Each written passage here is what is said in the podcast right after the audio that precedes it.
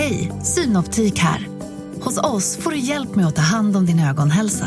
Med vår synundersökning kan vi upptäcka både synförändringar och tecken på vanliga ögonsjukdomar. Boka tid på synoptik.se.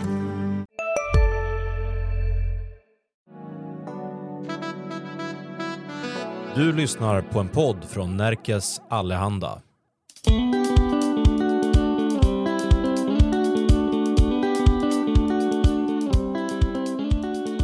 Ja, välkomna till Konditionsbloggen-podden avsnitt 10. Veckans gäst är 23 år gammal, har gjort A-landslagsdebut i både orientering och löpning, tagit VM-medalj i orientering och eh, SM-medalj i friidrott och har tre Närkerekord i löpning. Men Jonathan Gustafsson, du får samma första fråga som alla andra som är med i den här podden. Vad är det längsta du har sprungit? Ja, eh, ja, bra fråga.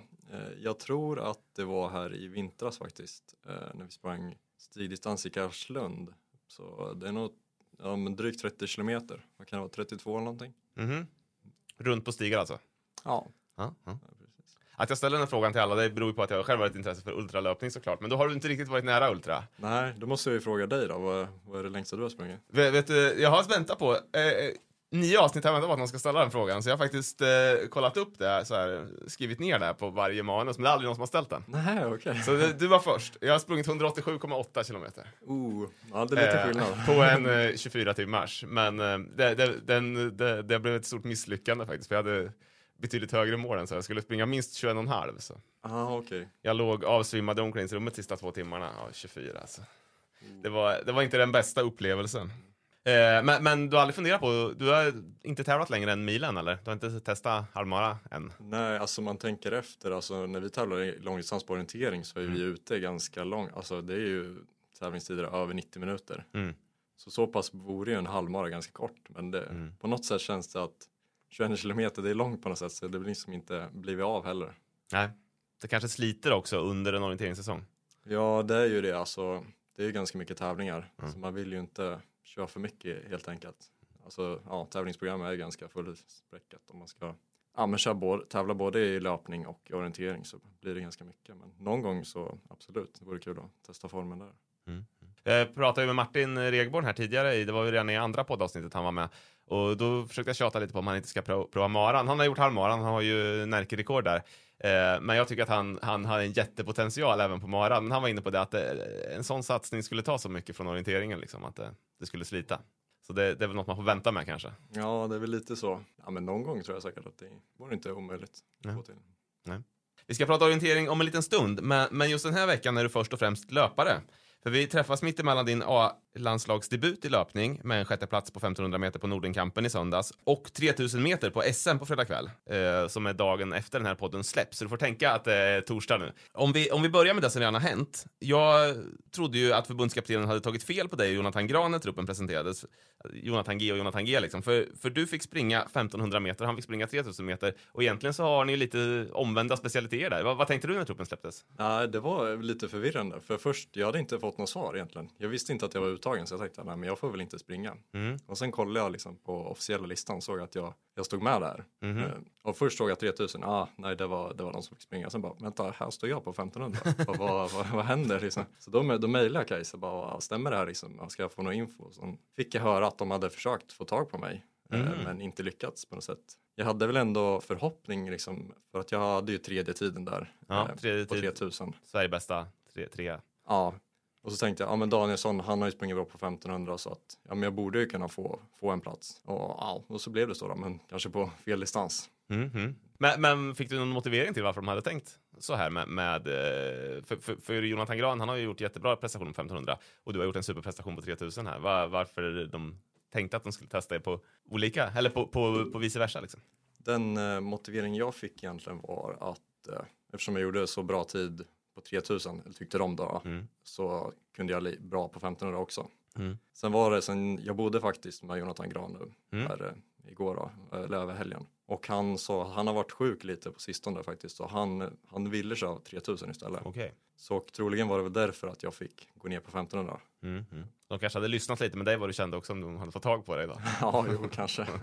Ja, men, men, eh, men det blev ju ett väldigt bra 1500 meterslopp ändå. Du persade stort om man jämför med tidigare inomhuspers. Nu var det några år sedan du sprang inomhus förvisso då. 3.46.53, också Närke-rekord inomhus på, på 1500 meter. Berätta hur du upplevde loppet. Ja men det var cool, det var, det var kul. Lite så här inför så har jag inte kört så mycket just 1500 meters träning. Mm.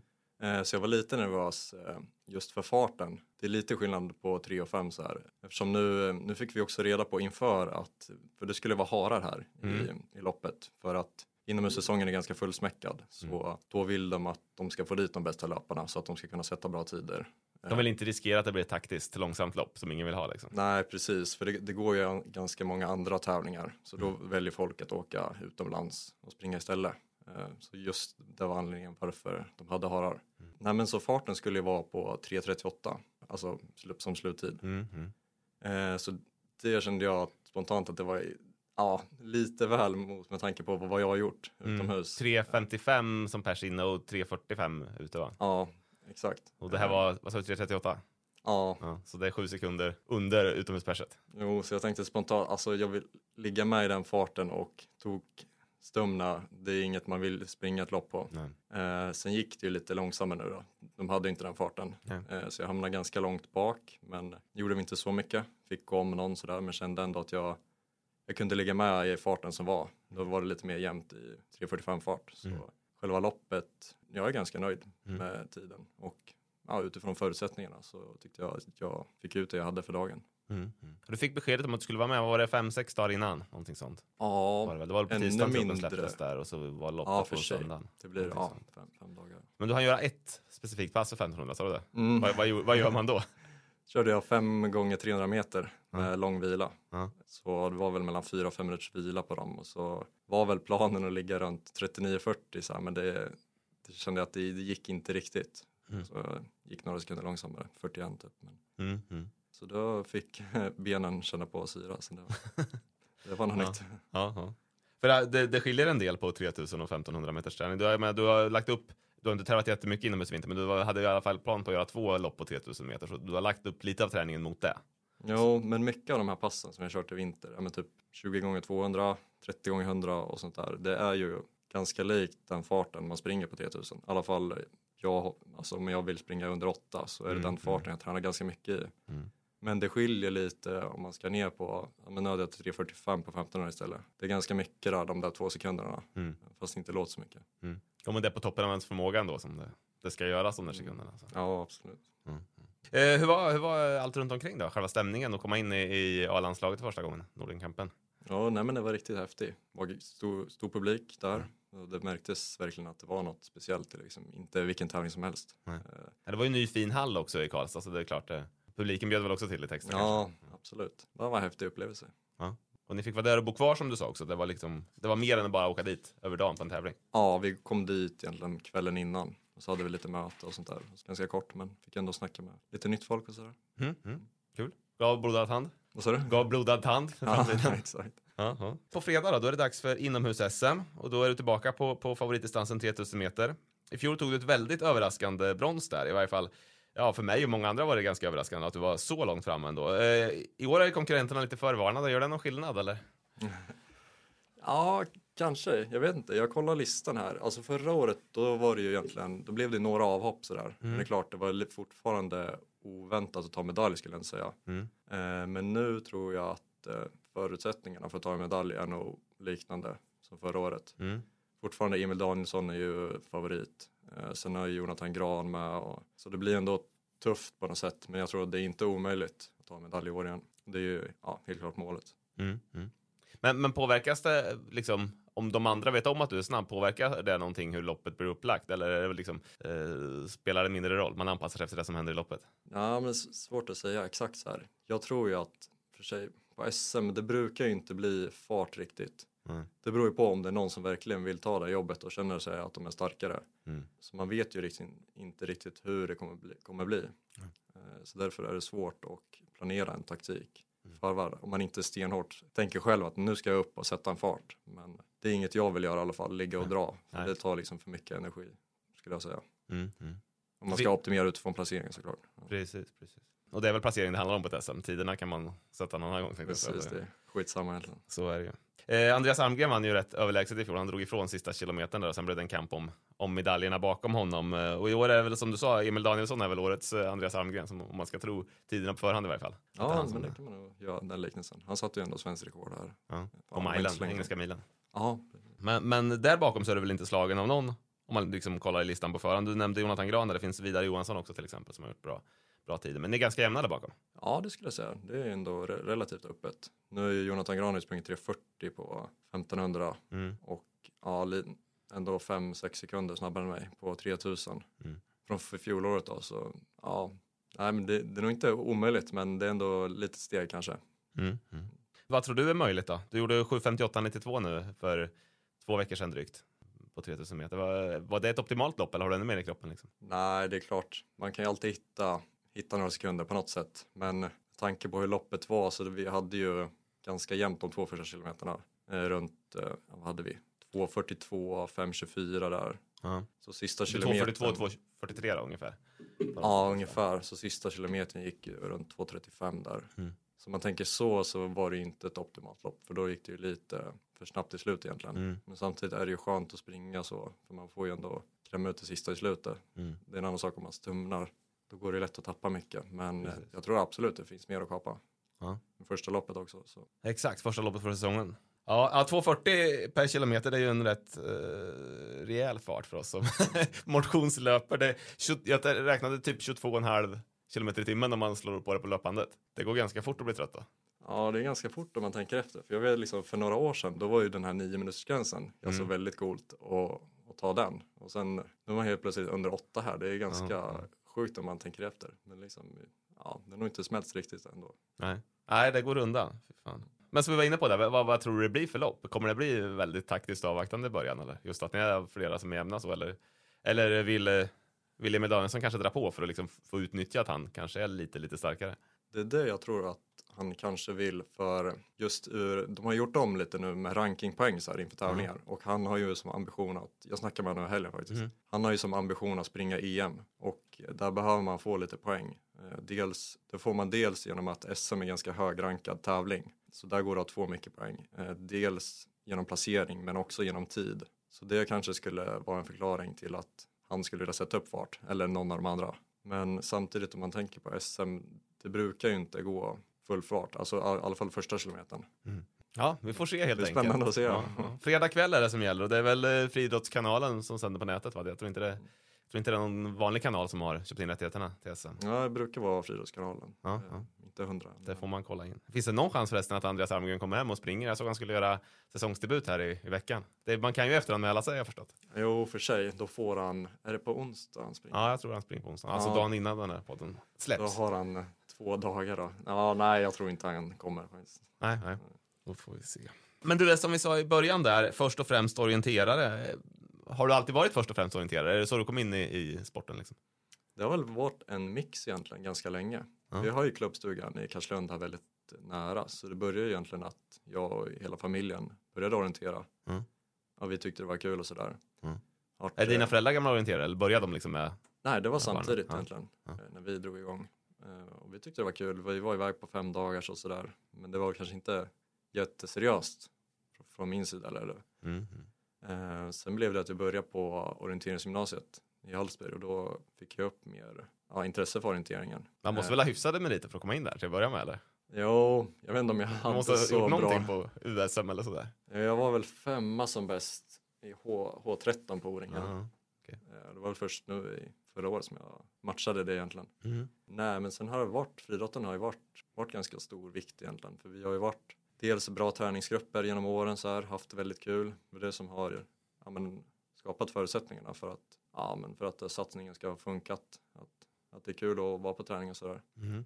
Eh, sen har det blivit lite mer, mer och mer orientering när det börjar gått bra så här. Nu har jag kommit med landslaget så här, då blir det att fokus har skiftat lite mer. Mm. Mm. Så, ja, det är kul, det är kul med orientering. Och håller du med om att du är först och främst orienterare nu då eller? Ja, nu, nu kan jag säga det. Ja. Absolut. Men jag försökte googla, det är ju inte jättelätt orientering av någon anledning. Bättre i friidrott med, med statistik sådär. Eh, du har ju den här SM-bronset som vi, ska, som vi pratade om som du ska försvara på fredag i friidrott. Men du har ingen senior-SM-medalj i orientering va? Nej, det har jag inte. Du var snabbast på sprint-SM i, i våras men blev diskad? Ja, det kanske inte går att räkna riktigt. Jag, eh, jag, det blev lite kortare väg, men ja, just om man ska säga så så var ju tiden bättre. Men Precis, men inga medaljer där. Däremot så har du då ett, VM-brons. Så det slår ju lite högre än en SM-medalj kan man säga. Vad, berätta om den här dagen när du tog VM-brons i orientering. Nej, men det var ju sjukt mäktigt. Först och främst var det ju ganska, ganska svårt att ta sig dit om man tänker så. Först var det liksom SM-tävlingen som var uttagningen till världscupen och sen världscupen som var uttagningen till VM.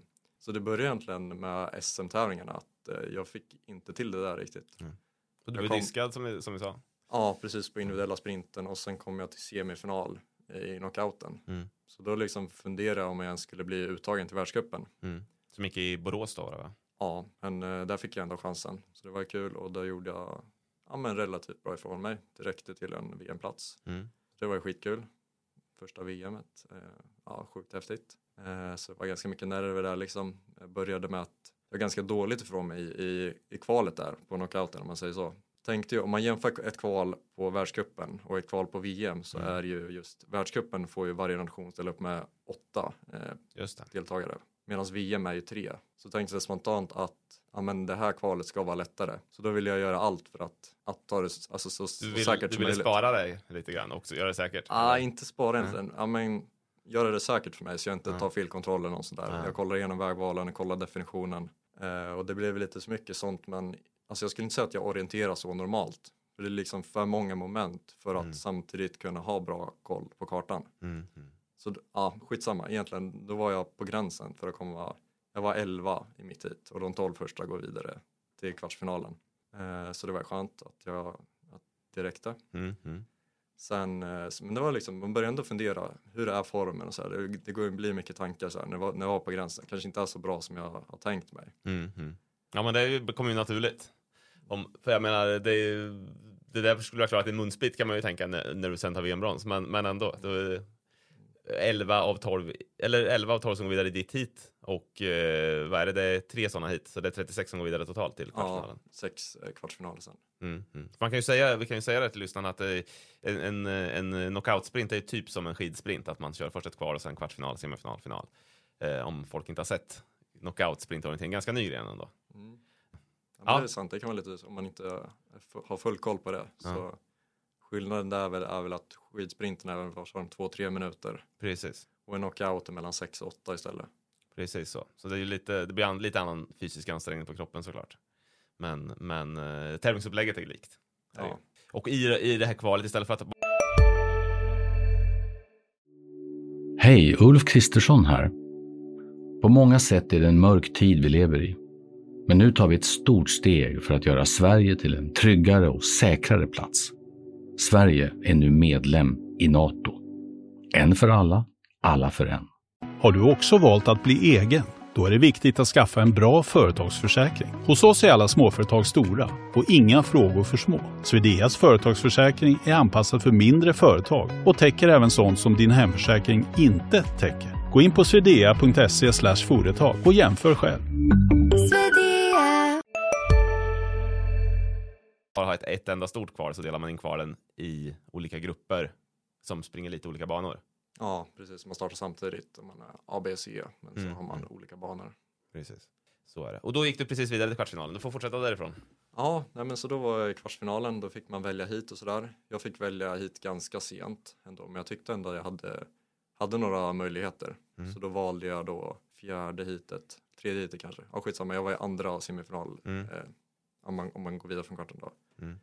Nej men så där kändes det, kändes som jag hade full koll egentligen. Jag kunde läsa in den sista avgörande sträckan och stack på det och så hade jag lucka i mål. Eh, så där kändes det skitkul. Då kände jag kändes eh, som jag hade, ja, jag fick med mig bra självförtroende helt Mm. enkelt eh, till semin. Så det var skitkul. Sen i semin så, det var ganska mycket, alltså krångliga vägval tyckte jag. Eller alltså jag, det är klart man kan ju se, så här kan jag springa, om jag springer höger, så här kan jag springa, springa vänster. Men var liksom svårt att värdera dem mot varandra. Sen hade vi liksom räknat ut att det förmodligen är raka banor.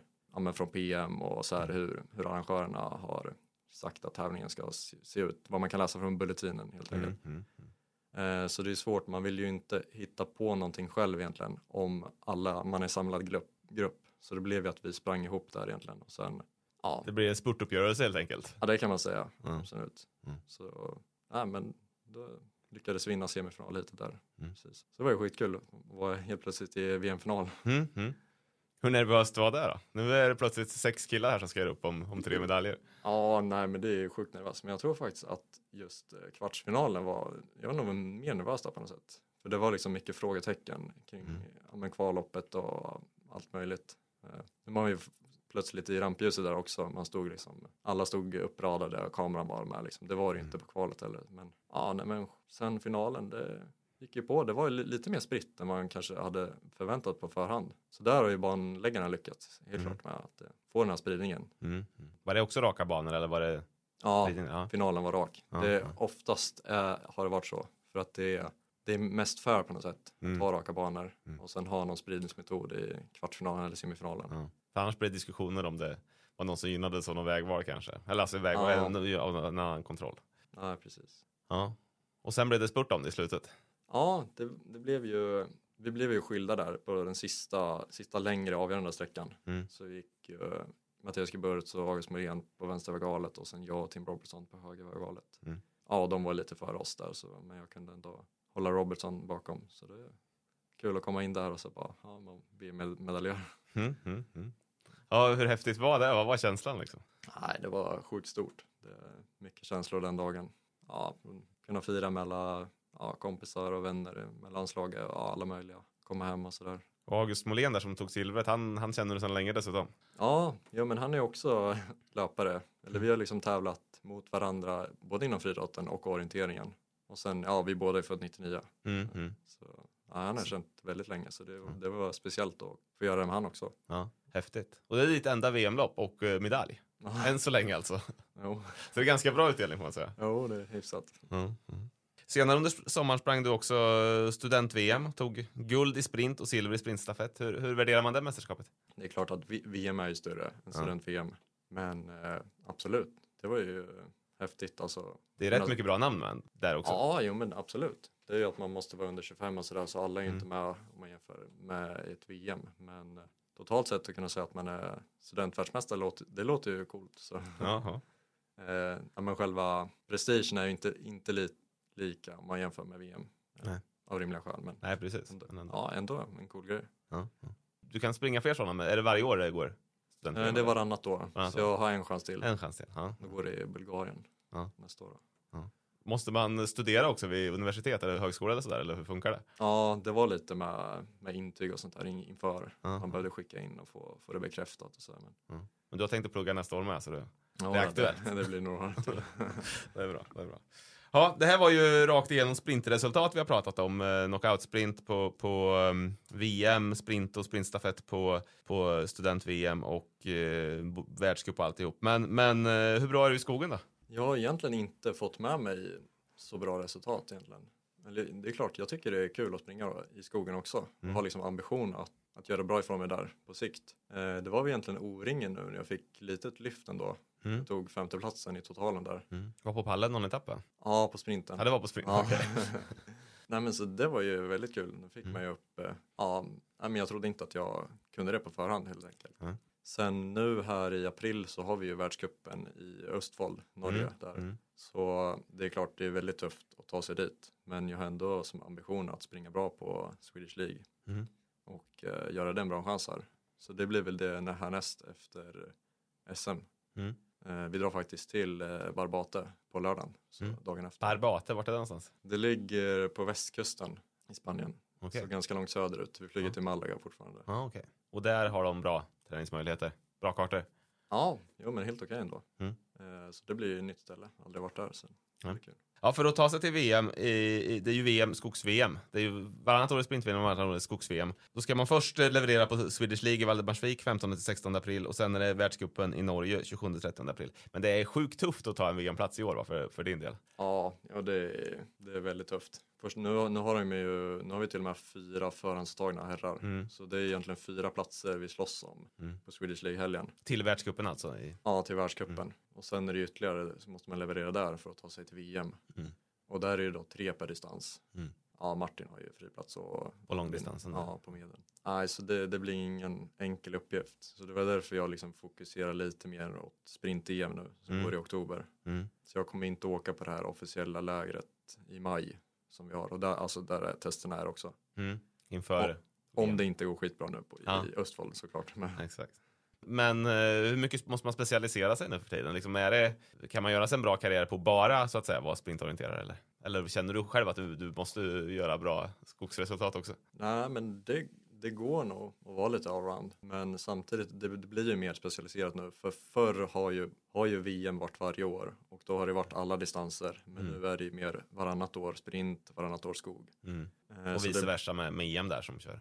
Ja, precis. Så det blir ju en liten naturlig ja, men inriktning på något sätt. Men eh, jag tror inte att jag blir en sämre sprintorienterare om jag satsar på skogen Nej. också.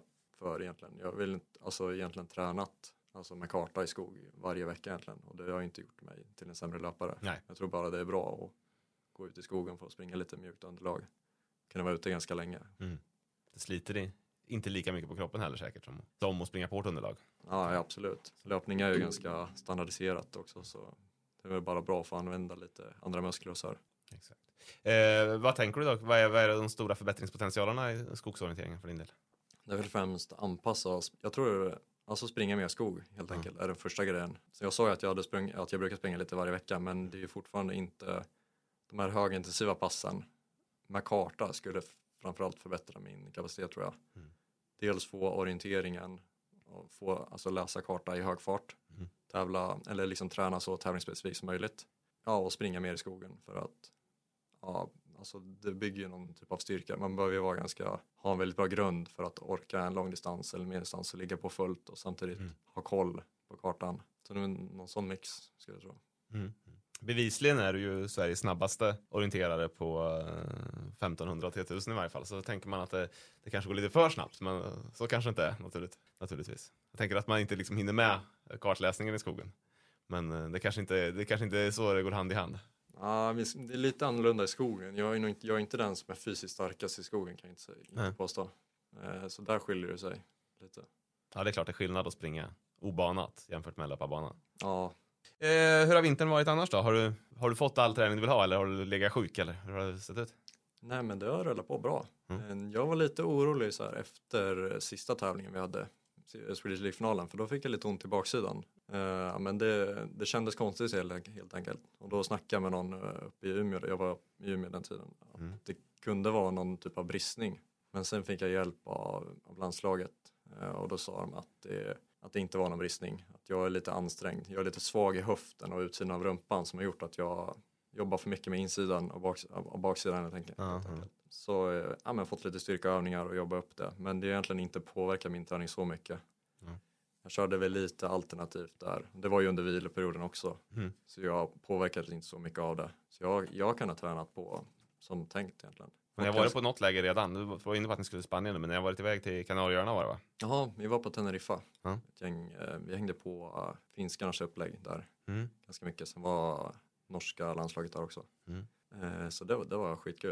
Mm. Jag hade inte förväntat mig att just Teneriffa skulle vara så, att det skulle vara så bra möjligheter för kombinationen. Det fanns både sprintkartor, skogskartor och så kunde man springa i backar och så. Mm. Mm. Så det var, det var skitkul. Det Mm. gav mycket Ja, kul. skönt att komma iväg så här under, under vintern, få lite värme och bra träningsmöjligheter. Exakt, det är ju inte jättekul att vara ute och springa just nu när det är halt och minusgrader kanske. Det beror på vad man gillar i och för sig. Vart är du i träningen just nu då? Är det, är det liksom lite toppat inför de här friidrottstävlingarna du ändå gör nu eller hur, hur Ja, har det, du har, gjort upplägget? det har blivit lite mindre träningsmängd nu Mm. totalt sett. Jag tror jag ligger lite under vad jag brukar, eller några timmar under nu förra veckan och sen det här blir ju ganska lugnt inför SM. För ändå jag göra en liten toppning. Mm. Jag har ju amb- ambitioner att springa bra där. Mm. Och vad händer sen då? Blir det mängdperiod igen inför uh, säs säsongstarten i orienteringen i april? Ja, exakt. Då blir det att grunda på lite igen. Sen är det ja, att sikta in sig mot eh, Swedish League där och Mm. uttagningstävlingar till världscupen. Vem gör ditt träningsupplägg då? Gör du det helt själv eller har du någon, någon tränare nu? Nej, jag har eh, snackat med Thomas Halmén. Det har Ja. egentligen varit min mentor eh, sen eh, gymnasietiden. Så Mm. vi har fortsatt. Och sen har jag haft eh, Kron också eh, genom åren med, eh, ja, med friidrottsträningen och Precis. specifika löppass. Eh, nej, men så jag tycker det vi funkar bra ihop. Mm. Det, Men du får komma med input också. Det är inte så att du får ett färdigt träningsprogram och gör det här eller? nej, exakt. Nej, men vi har lite träningsmöten eh, kontinuerligt och skickar liksom eh, veckovis. All right. Du pluggade i Umeå förut, nu är du i Uppsala va? Ja, Ja. Eh, jag pluggar ju till jägmästare då, Mm. så har jag läst min kandidat egentligen i, eh, i Umeå. Mm. Så nu har jag börjat på min master. Och det är via SLU då, så därför Ah. så finns möjligheten att läsa den i Uppsala. Okej. Har du några bra träningskompisar där då? Har du hunnit hitta dem än? Ja, Uppsala är ju sjukt bra egentligen. Ja. Det är väldigt många orienterare. Okej. Det kan man ju för sig tänka sig. Det är många orienterare som- som pl- pluggar, är högutbildade liksom. Så tänk att de kan samlas på en universitetsort. Vad, Ja. vad, vad, vad tränar med för folk då? Ja, men det är lite alla möjliga. Många från landslaget. Och sen är det ett gäng, många från Norge faktiskt som har kommit dit. Eh, Så det är väldigt bra kvalitet. Mm. Om jag skulle säga på intervallerna vi kör så är det säkert fem stycken som springer ja, men, liknande fart Mm. som vad jag håller. Så det gör ju jättemycket att ha bra träningskamrater. Mm. Eh, Och sen finns det ju teknikträning och sånt. Så just orienteringssynpunkten så är det en väldigt bra stad. Eh, jag bad ju dig ta med, som jag gör till alla gäster också, ta med ditt favoritträningspass. Det är väl läge att ta det nu när vi ändå pratar träning. Vad, vad, vad bjuder du på för något? Oh, lite svårt att säga, men eh, jag måste ändå säga något typ av intervallpass känner jag. Mhm. Eh, supertusingar är ju ett sånt. Ja, men jag kan ta det. Det är ju det är sånt här man brukar köra lite kontinuerligt ibland under vintern. Eh, så då är det, fem set med 400, 300, 200, 100 eh, och så kör man eh, med 45, 30, 15 vila mellan eh, Mm, mm. intervallerna. Så då brukar det vara att man eh, springer, ja men säg att jag springer 400 på 66 och så springer jag 300 på 48, 200 på 31 och sen 100 på 15. Så det blir liksom ökande fart och kortare vila. Mhm. Ja, det är ganska bra inför 3000, ett sånt pass. Mm. Tycker att det är, ja, men det är ganska, det är inte så tufft mentalt att genomföra Hur många set körde du sa du? fem set, Fem set? Och hur lång vila är det mellan seten då? två minuter. Ja. Och så är det vanligt att man att du fyller ut med någon tröskel efteråt Ja. för att få lite volym. För det här är inte tröskel, det här är maxinsats eller? Ja, inte max, men det är ändå tufft pass. Ja. Pulsen kommer upp? Ja. Ja, jag gillar de supertusingarna. Alltså. Ja, ja, måste säga det. Och det kör du alltid på bana eller? ja, Ja. precis. Kör du någonting i löpband? Gör man det? Ja, Nu under vintern tänker jag. Du Ja. kanske har tillgång till inomhushall så att du inte du slipper det. ja, det är bra att vi har ju löpband i hallen där. Ja. Så oftast går det att kombinera. Säg att man springer några lite snabbare intervaller på bana så går man på, på bandet efteråt. Beroende på ut, eh, underlaget ute såklart. Mm. Mm. Ja, nej men det händer att det blir band. Mm. När det är kallt och halt. Hur ofta springer du med kvartar på vinterhalvåret? Egentligen inte jätteofta. Men en gång i veckan, en till två gånger. Mm. skulle säga något snitt. Sen blir det lite mer när man är iväg på läger så, så det blir ju i perioder. Jobbar du på något annat sätt med orienteringstekniken då? Eller låter man den vila lite grann under vintern? Ja, nej men det. Man kanske skulle, alltså om man vill bli en bättre orienterare så tror jag att man bör springa mycket mer i tävlingsfart Mm. än vad jag, vad jag gör. Så det är kanske där jag kan förbättra mig i skogen. Mm. Mm. Om man ska jämföra vad jag har levererat på sprint kontra skog så ja, tror jag det, det är vägen. Vi pratade lite här tidigare om, om, eh, eller du kom in på det själv, om målen inför sommaren. Du, det är eh, sprint-EM i oktober som är stora målet Ja, precis. Det är stora mål för säsongen. Ja. Eller för året. för året. Och, och som orienteringen ser ut just nu, då finns det ju typ stora tävlingar nästan varje helg. Det är världscup och det är Swedish League och det är SM eh, på många distanser och det är VM och EM och O-ringen och 10 mila och Jukkola. Och det, det, det fet kalender. Men, men tänker du att det blir något friidrott också eller? På sommaren? Utomhus? Ja, men det skulle jag ändå vilja. För jag tror ändå att alltså kombinationen där med löplopp, alltså inför en sprintsatsning tror jag är bra. Mm. Få med sig bra kvitt och samtidigt träna på farten. För det är liksom sprintorientering, det krävs ju hög fart och sen Mm. och blir jag bättre fysiskt tror jag att jag kan läsa kartan mer avslappnat så att det gynnar mig där. Nej, men under början av sommaren så är det ju ganska lugnt egentligen. Det är inte så mycket som händer. Det är klart det är och, eh, men där är ändå ambitionen att springa något lopp. Mm. Mm. Vad tänker du för distans då? Vad är det som lockar? Är det 5000 eller 1500 eller? Nej, men det är väl främst 5000 i så fall. Mm. Kanske någon 10 om, om det finns några bra lopp. Mm. Eh, nej, men framförallt 5000. Är det det som är mest likt sprintfart? Jag håller på ungefär en kvart på sprint. Ja, om man ska jämföra tävlingstid så är ju ett 5000 meters lopp väldigt likt en, en vanlig sprint. Då.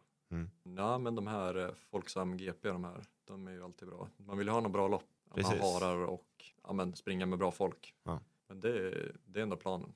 Mm. Springa någon gång där. Vad gör du för tider då? då? Ja, men jag gjorde 14.08 sommaren 21. Så jag Så tror det är inte jag, så långt ner till nästa drömgräns där alltså. Nej, jag tror att jag kan gå en bit under 14. Ja, kul, det blir kul att se. Ja, Jag avslutar alltid med samma fråga. Vad ska du träna idag? Ja, men så nu sprang jag lopp igår så nu blir det bara lite jogg och styrka.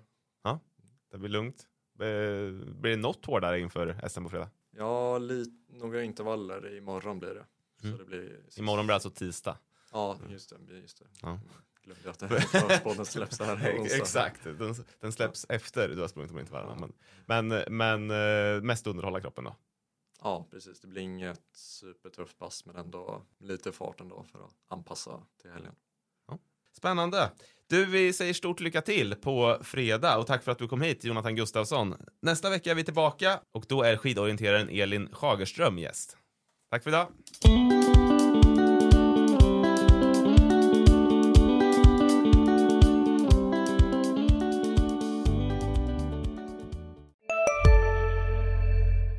Big Mac har miljarder fans över hela världen. Under mer än 50 år har den skapat popkulturell historia. En legend med 100% nötkött och den mytomspunna såsen. Nu finns Big Mac för bara 39 kronor på McDonalds.